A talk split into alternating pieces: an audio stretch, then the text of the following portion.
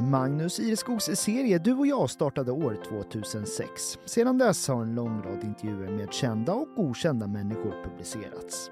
Den gemensamma nämnaren är alla människoöden som skildrats genom åren. Nu finns och släpps intervjuerna även i poddformat inlästa av just Magnus Ireskog själv.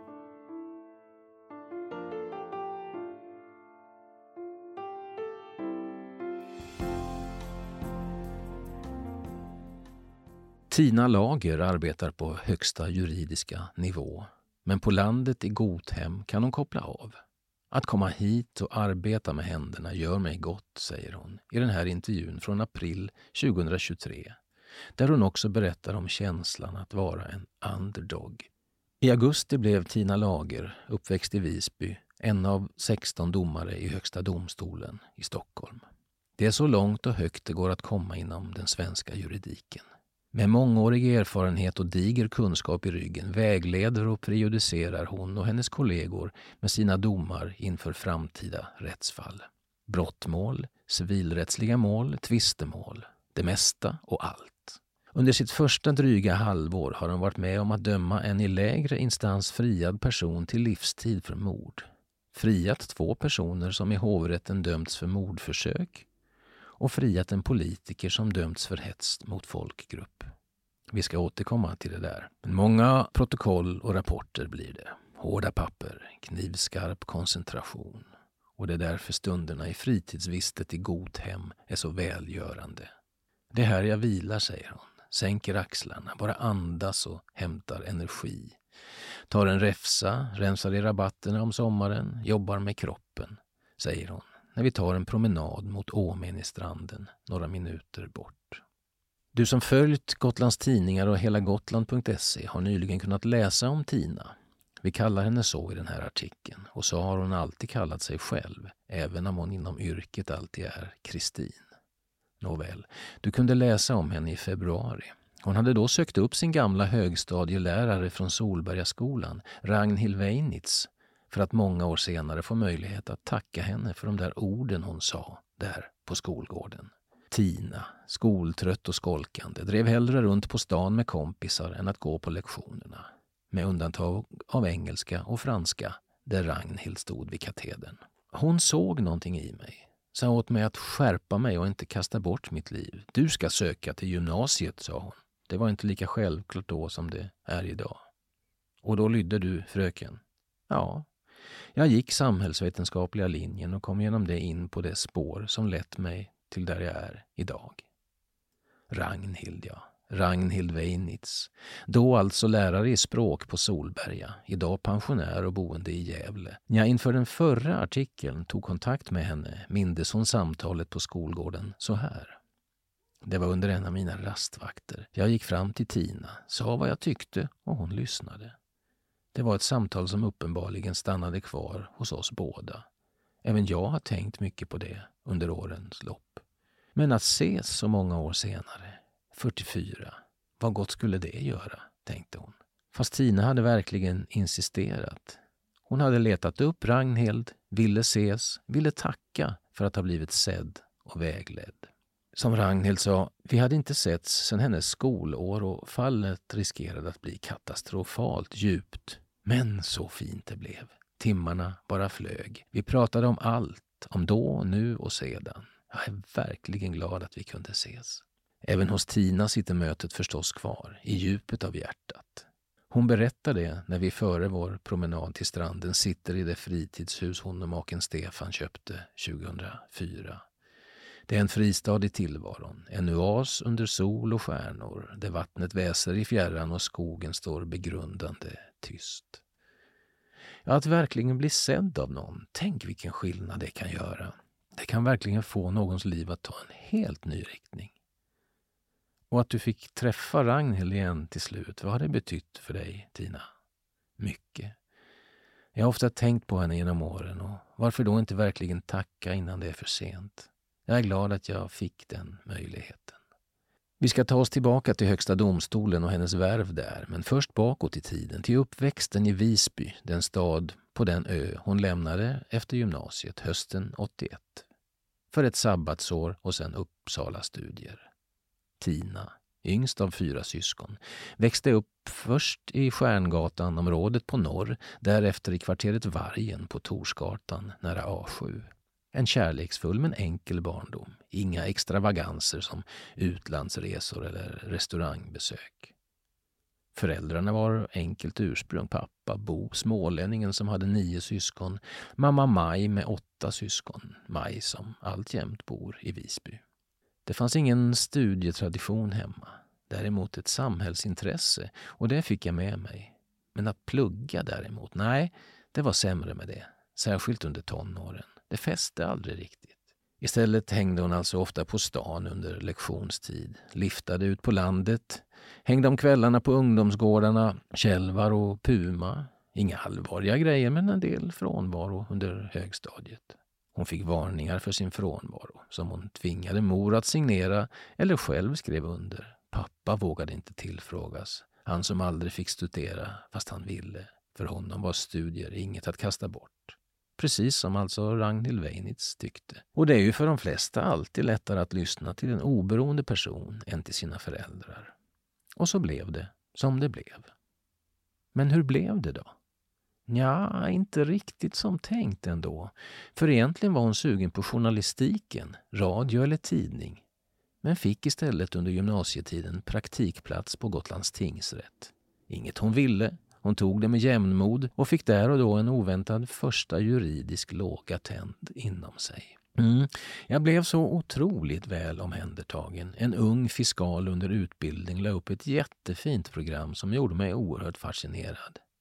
Så därför sökte hon sig efter studenten till juridikstudier i Uppsala. Det står ett skimmer om de där åren. Framtiden låg ännu orörd och Gotlands nation var ett välbesökt vattenhål.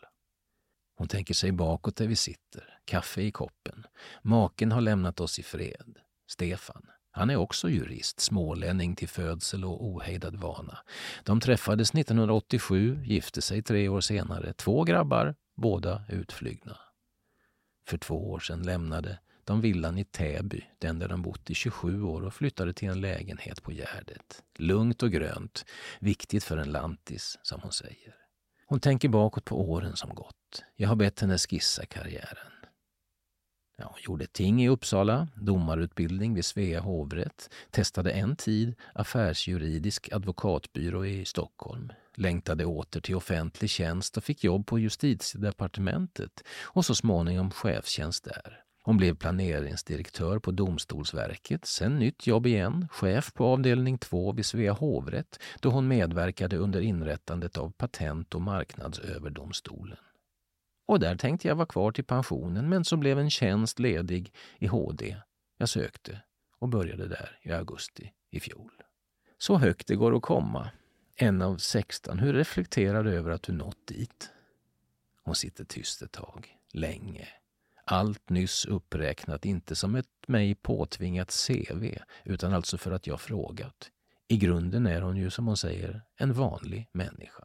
Jag har aldrig haft någon karriärsplan. Snarare så att man inom juridiken kan göra många olika saker, vilket alltid varit stimulerande.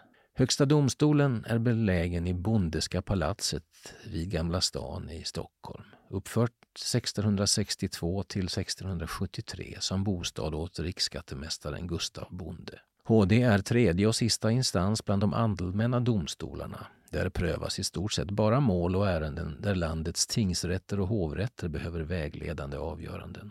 Här och under alla tidigare år i yrkeslivet är Tina inte Tina. Här är hon Kristin. Det blev hon redan under första studieåret i Uppsala. De ropade upp Kristin Lager och då ställer man sig inte upp och säger ”jag kallas Tina”, som hon uttrycker det. Idag är hon glad för det. Det är skönt att värna sitt privata jag och till dels kunna bli en annan när hon går in genom HDs tunga portar. För en yrkesroll är verkligen ett måste att gå in i. Mord och död, förundersökningsprotokoll med foton av sargade kroppar, svåra brott och civilmål där det inte finns några givna svar. Då är de professionella och analytiska ögonen på. Fokus och stringens. Annat kan det vara hemma vid tvn. Då vänder hon sig bort eller stänger av eller helst inte alls sätter på när mordoffret hittas i någon deckare. Jag ser för mycket av verkligheten i mitt jobb så underhållningsvåldet undviker jag gärna, säger hon. Under sin relativt korta tid i HD har hon levererat vägledande domar i flera uppmärksammade rättsfall. Bland annat under våren två stycken där det bara fanns indiciebevisning, alltså inga direkt bindande bevis. I det ena fälldes en 25-årig man för mord vid en busshållplats i Märsta 2020. Han hade fällts i tingsrätt, friats i hovrätt och dömdes nu i HD till livstidsfängelse. Trots flera vittnen hade ingen sett hans ansikte. Grundfrågan för domstolarna har därför varit vilka krav som kan ställas för att indiciebevisning ska räcka till fällande dom. Så här skrev HD i ett pressmeddelande. Efter sammanvägd bedömning finns mycket starkt stöd för åtalet och att det som kommit fram om möjliga alternativa gärningsmän inte ger anledning att räkna med att gärningen utförs av någon annan.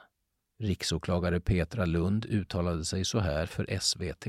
En principiellt viktig dom som kommer att få stor betydelse, inte minst vid skjutningar i kriminella miljöer där det ofta saknas vittnen och bevisningen ofta består av indicier. Det andra fallet gällde ett skott mot två väktare på Årsta torg 2019. Fällande dom i hovrätt ändrades i HD till friande dom. Även här fanns endast samlade indicier men inget direkt utpekande. Utan att gå in på detaljer blev utfallet här alltså motsatt det i Märsta, men likväl alltså i sin innebörd vägledande. Ett annat omskrivet fall gäller en politiker som i såväl tings som hovrätt fällts för hets mot folkgrupp efter ett nedsättande uttalande under en debatt. HD friade vederbörande med meningen att ordalydelsen inte kan tas ur sitt sammanhang utan måste ses i ljuset av debatten som helhet. What happens in debatter stays alltså in debatter. Se där, några exempel ur HD-vardagen. Minst lika viktiga är civilmålen, de som kan avgöra vem som har rätt till ett patent eller om skiljedomar om miljardbelopp ska ogiltigförklaras. Som exempel. Sällan ger de stora rubriker men är betydelsefulla för samhället. De som begått brott ska ha sina straff, jag säger inget annat. Men hur är det att sitta i samma sal och döma någon till exempelvis livstidsfängelse? Ansvarsfullt och förstås väldigt ingripande i andra människors liv. Men när prövningstillstånd ges går vi in i ärendet på djupet. Det är ett viktigt uppdrag och det är som det är i det här yrket. Det är det vi drivs av. Det är därför det också är så viktigt med oberoende domstolar, menar hon och kallade grundpelaren i vår demokrati. Tummar vi på det kan det gå illa. Ett vitputsat fritidshus längs en grusväg i Gothem, inköpt 2004. Dessförinnan hade de i tio år hyrt i trakten. På tomten ett litet sidohus där Tina har för avsikt att etablera en verkstad. Hon gillar att renovera möbler och sy, arbeta med händerna, gillar trädgårdsfix, särskilt nu i grönskans tid. Det är vila för hjärnan och ett sätt att göra något konkret. På jobbet är resultaten inte alltid omedelbara. Inte som när en rabatt rensas från ogräs. Hon har passerat 60. Det var så här det blev. Jag har alltid känt mig som en underdog, säger hon plötsligt när intervjun egentligen är över. Gotland är inte bara idyll, säger hon. Och hon har aldrig känt att hon vill bo på ön. Även om hon älskar besöken, de långa somrarna och alltid presenterar sig som gotlänning om någon frågar. Men hon minns uppväxten. Den sitter kvar inombords. Det var så stor skillnad var man kom ifrån och hur man blev bemött. Att växa upp i en trång hyreslägenhet i Vargen, det är inte lika flashigt som att växa upp i innerstan. Sånt märkte man. Den där kampen med sig själv har hon fört genom livet. Visa att hon kunde och kan. För någon eller några. Oklart vilka. Jag har drivit mig hårt, det har jag. Så i den meningen har jag kanske haft ett mål, säger hon. Och faktiskt har hon också kommit tämligen nära journalistiken, den som var hennes första tanke. Hon är en av flera ordförande i mediernas etiknämnd vars uppgift är att slå vakt om god publicistisk sed. Etiknämnden ersatte i januari 2020 Pressens opinionsnämnd. Ja, gillar du också Magnus Ireskogs intervjuserie Du och jag så finner du fler avsnitt på helagotland.se under poddar och program.